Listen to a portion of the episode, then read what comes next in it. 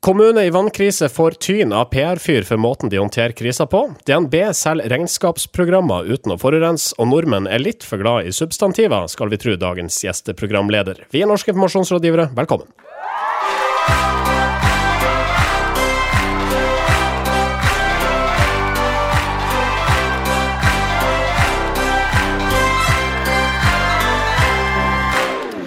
Jeg heter Marius Skjerve Stølen. Denne sendinga presenteres av medieovervåknings- og analyseselskapet Retriever Sindre Holme. Hallais.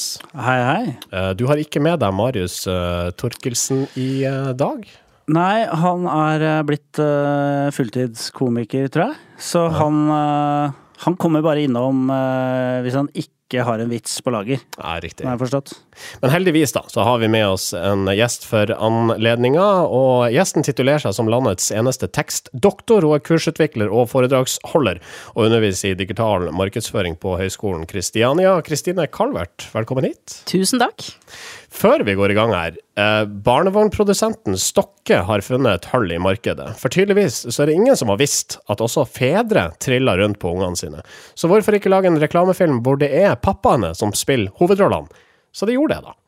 Det er uh, Kruna som har laget en uh, kampanje for Stokke, der det kun er pappaer som er ute på uh, pappaperm, sannsynligvis. Eh, som triller rundt i barnevogner, og det er vi jo ikke vant til å se. Altså, når det gjelder barneprodukter eller den type ting, så ser vi ofte glade mødre eh, som, som er hjemme med barnet mens far er ute og jobber og tjener penger. Eh, mens her eh, så er antageligvis mor da eh, og, ute og jobber, mens far er på perm. Mm. Men det er jo litt interessant, for eh, det, det, jeg tenkte var jo sånn ok, hvem er det som kjøper barnevogner? Det tror jeg kanskje er mor som gjør. Du er en far sjøl, var det du eller mor som kjøpte vogna? Nei, det var ikke meg. Altså, det var i hvert fall ikke jeg som gjorde liksom, eh, research i tolv måneder før Eller ni måneder, det håper jeg det var. Uh, hos oss var det meg som kjøpte. Jeg fant ja. noe brukt og kjøpte. Men det er jo noe det, det man, ja. men, Damer liker å se menn på, på, i reklame òg. Sånn mm, mm, så, så, hvorfor ikke, liksom? Ja, jeg, jeg tror den filmen her er sånn som er veldig tiltalende for kvinner også. Nettopp fordi det viser menn i den situasjonen. De flyr rundt i skauen og rundt omkring og gjør sånn manneaktige ting. Og det syns jeg, og det er jo faktisk ganske mange av vi damer som gjør også, når vi er ute i permisjon. Så jeg tror dette personlig. Jeg tror det er innertier. Jeg tror det kan appellere til menn også. Jeg mener, mm, altså, menn er jo ute og triller med disse barnevognene. Og en reklamefilm der man kan gjøre kule ting, Uh, altså, selv om man har kiden med seg. Mm. Det må da være en bra ting? Det, det er en bra ting. Altså, jeg, jeg, liker dette bedre enn den derre pappaperm-appen som uh, som Audun Lysbakken prøvde å lansere her for noen år siden. Hva var det? Eh, Hva var det? Ja, nei, han, han, lanserte jo en egen app for papp, pappaer i perm. Ja. Og da mener jeg da, da, da stigmatiserer man litt for mye, syns jeg. Uh, og den ble jo en flopp også. For det var sånn der, en app for, å, for at pappaer skulle liksom uh, bli hjulpet til å vite hva man kan gjøre når man er i pappaperm. Men det vet vi jo. Vi har jo lyst til å gjøre akkurat det samme som vi gjør ellers. Bare at vi har en vogn eh, foran oss. Og det viser jo den der uh, reklamen her fra Stokke, syns jeg. All right. Uh, Anki Gerhardsen mener at vi som samfunn bør reagere sterkere hver gang en journalist forlater sitt virke til fordel for PR-bransjen. Hun skriver i Aftenposten at det er et problem for demokratiet at maktfolk enten blir godt preppa, eller til og med skjerma fra hele intervjusituasjonen av sine PR-rådgivere. Og da blir det ikke akkurat bedre dersom denne rådgiveren kommer fra mediebransjen og dermed kjenner journalistenes arbeidsmetoder. Ja, jeg trodde vi var ferdig med den debatten uh, O, så skumle PR-rådgivere er. Uh, type vinklinger. Uh, altså, nå er det jo sånn at de aller færreste journalister og andre som havner på andre siden av bordet, eller liksom på the dark side, sammen med alle andre skurker, de blir jo veldig sjeldent medierådgivere. Altså det blir jo veldig ofte kommunikasjonsrådgivere. En kommunikasjonsrådgiver eh, i Norge jobber stort sett med helt andre ting enn pressehåndtering. Så liksom det er en utrolig sånn forenkling, syns jeg, og jeg syns det var sånn Ok, er den debatten oppe igjen, tenkte jeg. Jeg trodde vi hadde parkert den. Dette er det som er problemet i Norge, er at alle kjenner alle og alle vet hvem alle er, og det er vanskelig å være bokanmelder fordi alle forfattere kjenner alle anmeldere, og alle vinprodusenter kjenner eh, Merete Bø, og så det er jo Jeg kan jo skjønne at dette er et problem. Anki Gerhardsen fratar jo litt journalistens ansvar oppi det hele her også. Altså, jeg tenkte at uansett hvor god din, uh, altså, ditt intervjuobjekt er på håndtering av, av, mediehenvendelser, så må du jo fortsatt stille de riktige spørsmålene. Og hvis jo. du ikke klarer det fordi at vedkommende har blitt preppa av en rådgiver, så er du vel antagelig ikke en god nok journalist? Ja, det det syns jeg du har helt rett i. For de bindingene man eventuelt har til, eller at man kjenner folk fra før osv., det skal man jo være veldig obs på. Og det, det står i Hva er varsom-plakaten også. Også hvem du går på fest med. Ja ikke, ja, ikke, minst. Og det ser vi jo på alle i disse tider hvor eh, folk er på fest. Så er jo alle Hele tiden. Alle er på fest hele tiden, og det er de samme folka som er på fest. Ja. Eh, jeg er ikke invitert, men Ikke jeg heller. vi sitter her. Ja. Eh, så, så, det er jo noe Ja, ikke sant. Det er sånn umyndiggjøring av journalister oppi dette her, da. For liksom, de er jo enda mer opptatt av å være uavhengig når de hører i andre enden at det er en tidligere kollega som sitter og prøver å selge inn en sak, da vil jeg jo tro at jeg er enda mer obs på at denne saken her uh, må jeg, her må jeg tenke meg om uh, i hvert fall en gang til. Men problemet er jo hvis de faktisk ikke kommer frem til intervjuobjektet. Men det er kanskje en annen diskusjon, er det ikke det? Altså, ja, ja, for det er mm. interessant. Altså, er eh, tidligere journalister enda flinkere til å komme opp med unnskyldninger enn vanlige folk? Vi lar den henge. ja. Vi lar den henge, og så sier vi hjertelig velkommen til oss her i NIR. Norske informasjonsrådgivere. Askøy kommune i Hordaland står i krise etter at det ble påvist smittsomme bakterier i drikkevannet der borte. 64 personer er innlagt på sykehus eh, så langt, og så mange som 2000 har blitt syke. Og I tillegg mistenkes det en sammenheng mellom bakterieutbruddet og dødsfallene til ei 72 år gammel kvinne og en ett år gammel gutt. Pål Espen Hamre i Gambit kritiserer i kampanje kommunens håndtering av saken, og mener de verken har løst krisehåndteringa eller krisekommunikasjon slik de burde. Jeg vet ikke hva som er verst, sier han. Rutine og systemsvikt, inkompetanse eller dårlige avgjørelser. Ja, Hambre er rask på pletten. Denne krisen i Askøy er jo under utvikling fortsatt. Altså, det er jo fortsatt et, et problem. Det er jo stadig flere som blir syke der borte. Og han han eh, adresserer jo noen interessante problemstillinger. Han snakker jo liksom om hvordan krisehåndtering bør være osv. Men det er jo litt sånn derre det blir jo litt sånn Captain Hindsight-type eh, tilnærming også, midt i under en krise. Eh, om hva man muligens har gjort feil eller ikke, mens da den kommunikasjonsavdelingen sikkert jobber for harde livet med mm. å håndtere krisen. Og dette liker jo ikke Andreas Thue, som er eh, leder for Iteo, og sier at eh, det er bra, altså faglig sett interessant, men timingen er ufølsom, da. Og Han kaller Hambres utspill for ukollegialt og PRKs selvpromotering. Ja, han skulle kanskje ha venta litt, er vel poenget her. Men jeg syns dette er litt typisk sånn som det ofte blir i Jeg er fan av kampanje, bare så jeg får sagt det, men jeg syns det er en del menn som går ut og skal lage en eller annen sånn slags krise eller krangel, så kommer det en annen mann inn og krangler, og så sitter vi en haug med damer og himler med øynene. Og så kan man selvfølgelig si ja, men hvorfor kommer ikke damene på banen da? Men, eh, men jeg syns det er noe som går igjen lite grann, som jeg syns er kjipt, da. Men du mener at en dame ville ikke ha gjort det samme? Det kan jeg ikke si noe om. Men det er litt sånn typisk, sier du? Ja, ja jeg, jeg syns ikke kanskje akkurat den saken, men sånn generelt så syns jeg at eh, det skjer et eller annet. Så kommer det en eller annen mann på banen, mm. og så kommer det en annen mann på banen, og så blir en sånn slags dårlig krangel av det i uh, hvor kampanje blir litt sånn talerør for disse her som da krangler med hverandre. Men altså, menn tar jo mest plass, det vet vi jo. Altså, Menn er mye mer brautende enn kvinner. Så det er kanskje ikke så overraskende at når noen får kritikk for å braute litt for mye, i dette tilfellet det å gå ut og, og, slakte krisehåndteringa midt i krisa, så er det en mann som gjør det. Mm. Men jeg syns jo språket var interessant òg. Altså når han eh, Pål Espen Hambre sier 'ikke har lykkes nevneverdig'. Altså det er, det er en måte å si noe på som jeg heller ikke syns er spesielt ålreit i den type saker, det som fascinerer meg med sånne type saker, det er ansvars, uh, hvor, uh, ansvarsplassering.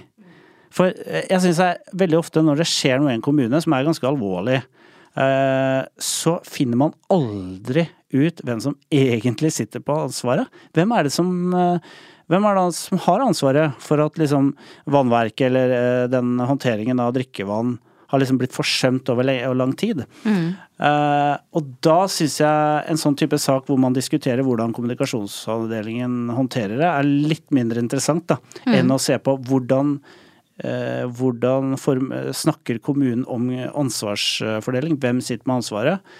Og hvordan skjer det eventuelt en sånn tåkelegging? For jeg, synes, jeg mener å huske sånn når det her, det her berømte stupetårnet i Hamar, eksempel som liksom ble overskreden Helt ekstreme millioner, mange millioner. Det kosta mer enn det skulle.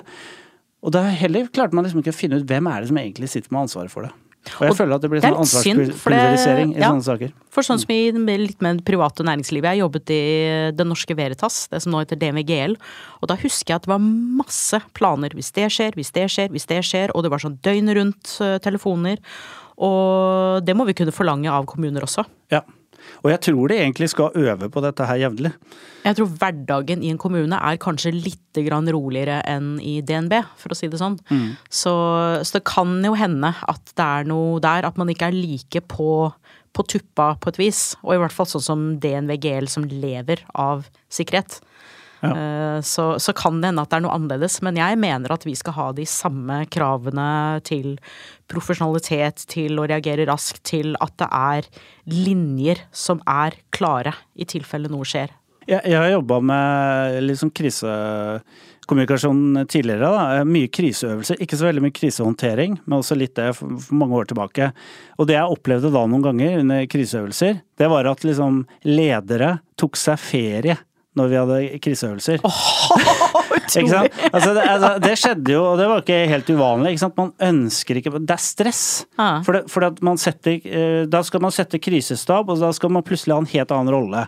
Man skal, eh, altså Folk internt i organisasjonen får helt andre roller enn de har til vanlig fra å liksom eh, oppdatere åpningstidene i svømmehallen til å snakke med journalister og egentlig gå ut i felten og finne ut hva er det egentlig som har skjedd med vannet osv. Og, så og snakke med kanskje forskere som kan si noe om sykdomsbildet. Det er helt andre ting å sette seg inn i. Og hvis man ikke er drilla på det og øver jevnlig på det, så håndterer man det ikke perfekt. Pål Espen Hamre, altså det er jo uh, drøy uke siden at, uh, at denne saken uh, sprang i, i uh, media, og, og, de står fortsatt i det, Askøy kommune. Og Andreas Thue i Theo er altså kritisk til at kritikken kommer nå. Er dere enige med Thue her? Ja, ja. Eh, jeg er det. Altså, mm. Selvfølgelig, det har nyhetens interesse å gå ut og snakke om dette her nå, for det er nå vi er opptatt av Asker kommune. Men det er mer interessant å komme og liksom kunne evaluere i etterkant og ja. si dette skjedde, dette kunne vært gjort annerledes. Da hadde jo vi, det hadde jo vært fint. Og kanskje med en slags sympati i det. Hva kanskje, kunne gjort annerledes? Og kanskje man kunne ja. gjort det i samarbeid med Askøy kommune. Mm. For å faktisk uh, fått fram hvordan var det faktisk situasjonen var. Mm. For de aller fleste PR-rådgivere de har ikke vært i den stolen uh, i Askøy kommune, altså. Nei. De har ikke sittet der midt i den gørra sjøl. For de kommer jo inn fra siden, ikke sant, i, i fin dress og slips. Flyr inn fra Oslo Ok, gir noen eh, Ok, jeg kan lage en Q&A for deg, vær så god, kjør på. Så, så, det er jo noe eget ved å få den der førstehåndserfaringen. Ja. Uh, så det vil jeg jo anbefale Gambit om å gjøre uh, etter at den krisen er over. Inviter Asker kommune til frokostseminar og få dem til å fortelle hvordan dette opplevdes. For det tror jeg mm. veldig mange kommuner har nytte av. Norske informasjonsrådgivere. Vi skal til DNB, som har lansert en reklamefilm for et regnskapsprogram de driver og selger. Det er jo ikke så spennende, men eh, denne reklamefilmen er såkalt klimapositiv, ifølge kampanje. Det er bedre enn å være klimanøytral. Det er byrået Pol som har regien på filmen, men den er produsert av selskapet Babusjka, som igjen har alliert seg med en organisasjon som heter Choose, og sistnevnte har sørga for at videoen blir tilstrekkelig grønn. Ja, uh, Choose uh, har jo det som forretningsmodell å hjelpe virksomheter å bli klimapositive og klimanøytrale. Så det har en sånn sjekkliste på rundt 50 punkter der man scorer uh, forskjellige typer produkter og initiativer som folk har. Uh, og der scorer den høyt. 76,5 poeng av 100 mulige. Det er selvfølgelig ingen som gidder å gå inn i de tallene for å finne ut hva det egentlig betyr, men det høres veldig bra ut. Uh, og så, så, her er det snakk om Og de poengene de ikke har fått, altså de gjenstående 23,5 poengene, det har da DNB kompensert for. sånn at her blir det positivt. Og, og, og i den sjekklista så ser man liksom på alt fra transport til kostymer, scenografi, mat, belysning. Altså Hvor mye forurensning de forskjellige aspektene som du nevner her, uh, fører med seg. Ja, og jeg, jeg syns det har et, er et poeng, særlig for et eh, filmproduksjonsselskap. fordi hvis du har vært på liksom reklamefilminnspillinger, så er det mye drit som blir kasta der. Altså Man bruker gjerne engangskopper og uh, Det blir mye søppel uh, under en uh, produksjon. Eh, eh, så, så det er fint. Men eh, det her er en eller annen elefant i rommet her, på en måte, når det gjelder klima, eh, regnskap og reklame. Ja. fordi, fordi hvis du for eksempel eh, Hvis du ser liksom en del av de sommerkampanjene eh, som går på TV for tiden, eh, de er jo eh, produsert lenge før eh, det har blitt varmt i været. Eh, og veldig ofte så reiser jo eh, sånne produksjonsselskap de reiser jo til Sør-Afrika og andre steder jorda rundt for å filme reklame. Så det som slo meg, var sånn ok, her snakker de om klimapositivt eh, regnskap, men hva med alle de reisene de foretar seg ellers? For her har de muligens filma hjemme, og liksom de har fått en bra produksjon, og det er ikke så mye reise og så videre. Men det er kanskje en del å ta tak i der. Jeg tror på planleggingsstadiet i hvert fall å tenke kan vi lage et slags klimaårshjul, eller klimabudsjett? Eh, Sånn at klarer vi å planlegge lengre tid i forveien? Sånn at vi ikke trenger å reise til Sør-Afrika, eksempel. Ja, og jeg, jeg, jeg tror dette er bare en perfekt verden, og det er, ikke, det er ikke sikkert det er mulig, men å tenke litt lenger Altså, vi vet jo at det kommer en ny sommer til neste år. Kanskje man kunne tenkt på det i år også, og så skjønner jeg selvfølgelig at nye produkter og sånn kan bli litt vanskelig å vise frem, men Ja, altså hvis du ser, Men grill er grill! Grill er grill, mener jeg. Altså, en pølse ser ut som en pølse neste år. Garantert. Uh, og hvis, ikke sant, for det her er jo reklamebyrå Pol som står bak, ikke for å henge ut de, men hvis du ser på de Coop Extra-reklamene med Mm. han der grillkongen, de er, produs- de er filma i Sør-Afrika. Er det det? Ja, ja. Yep. Ikke sant? Hvis, hvis du hadde tatt de nå, filma de til høsten, da, liksom august-september, og kjørt de neste år, så kunne du filma de i Norge. Absolutt. Så er det ikke så lett for produksjonshusene eller byråene å planlegge hvis Coop Mega kommer i mai. Vi trenger en grillreklame, vi! Så er det regn og nesten minusgrader ute. Nei, det er nettopp det, og det er det Chris- eh, Chris- Kristine sier, ikke sant. At, te, men vi kunne ikke liksom tenkt at vi vet at vi skal på med grillreklame neste år, hvis ikke vi er konk da, mm. til neste år. Eh, hvorfor ikke filme det nå? Fordi Coop spurte ikke før i mai. Nei, men Nettopp. det må Coop begynne å gjøre før. Klimaårshjul. Norske informasjonsrådgivere. Vi er altfor glad i substantiver her til lands, det mener dagens gjest Kristine Kalvert. Helt uh, brukbare og dekkende substantiver holder ikke lenger. Nei, vi må hive på ett til. Kristine, du må forklare dette nærmere. Ja, du, dette er noe som jeg begynte å legge merke til for eh, ja, noen måneder siden. Og eh, når jeg legger merke til noe, så begynner jeg å sende tekstmelding til meg selv når jeg hører ord jeg syns er morsomme. Og dette er litt sånn hvis du er gravid, så ser du bare barnevogner. ikke sant? Det er litt, når jeg først blir opptatt av et fenomen, så ser jeg dette fenomenet overalt. Og det jeg snakker om nå, er eksempel at det ikke lenger er godt nok å si havet. Vi må si havrommet. Eh, og da jeg først begynte å legge merke til det, så så jeg at ja, vi sier mulighetsrommet, vi sier ikke muligheter lenger, og vi sier mulighetsvindu. Og, og fanbase. Hørte jeg her om dagen, var en eller annen uh, influenser som hadde det. Så, så jeg syns bare dette er litt fascinerende. Altså, hvorfor sier vi værvindu? Det er vel noe å begrense Det, ja, værvindu med- Ja, det er, ja, det er en slags begrensning. Mulighetsvindu, er det også et ord? Mulighetsvindu er også et ord. Konfliktlinje Ja. er et ord. Og jeg, jeg ser poenget i at det er ikke bare en konflikt, det er liksom noe som har foregått lenger. Men jeg syns det er bare litt fascinerende det her med at folk putter på Dobler substantivene sine, og i hvert fall havrommet. Ja, hvem er det som bruker havrommet, egentlig? Jeg, jeg, trodde det, jeg trodde det var litt sånn konsulentspråk. jeg. Ja, kanskje litt konsulentspråk. sånn der, ja. eh, Folk som skriver rapporter og utredninger som brukte sånne type ord. Men det er fordi Mm. at jeg leste et par sånne eh, rapporter tidligere hvor jeg bare leste eh, en utredning, og så fant jeg ut at det du sier nå er faktisk ingenting.